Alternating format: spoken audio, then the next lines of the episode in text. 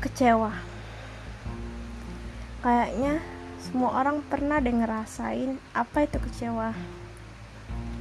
Entah itu kecewa dengan takdir keadaan keluarga sahabat teman atau pacar.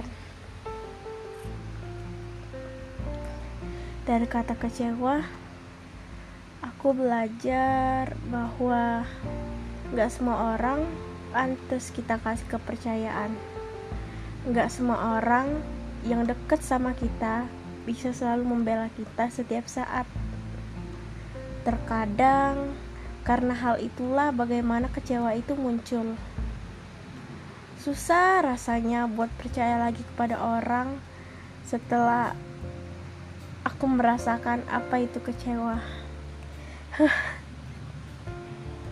Bingung rasanya Rasa percaya itu harus kuberi dan tidak kuberi untuk siapa.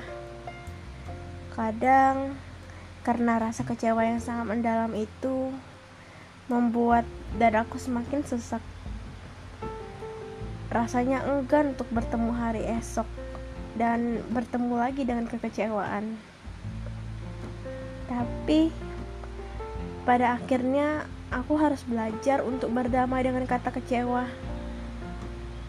dan memilih untuk memaafkan atas semua keadaan yang telah terjadi, walau itu sangat menyakitkan.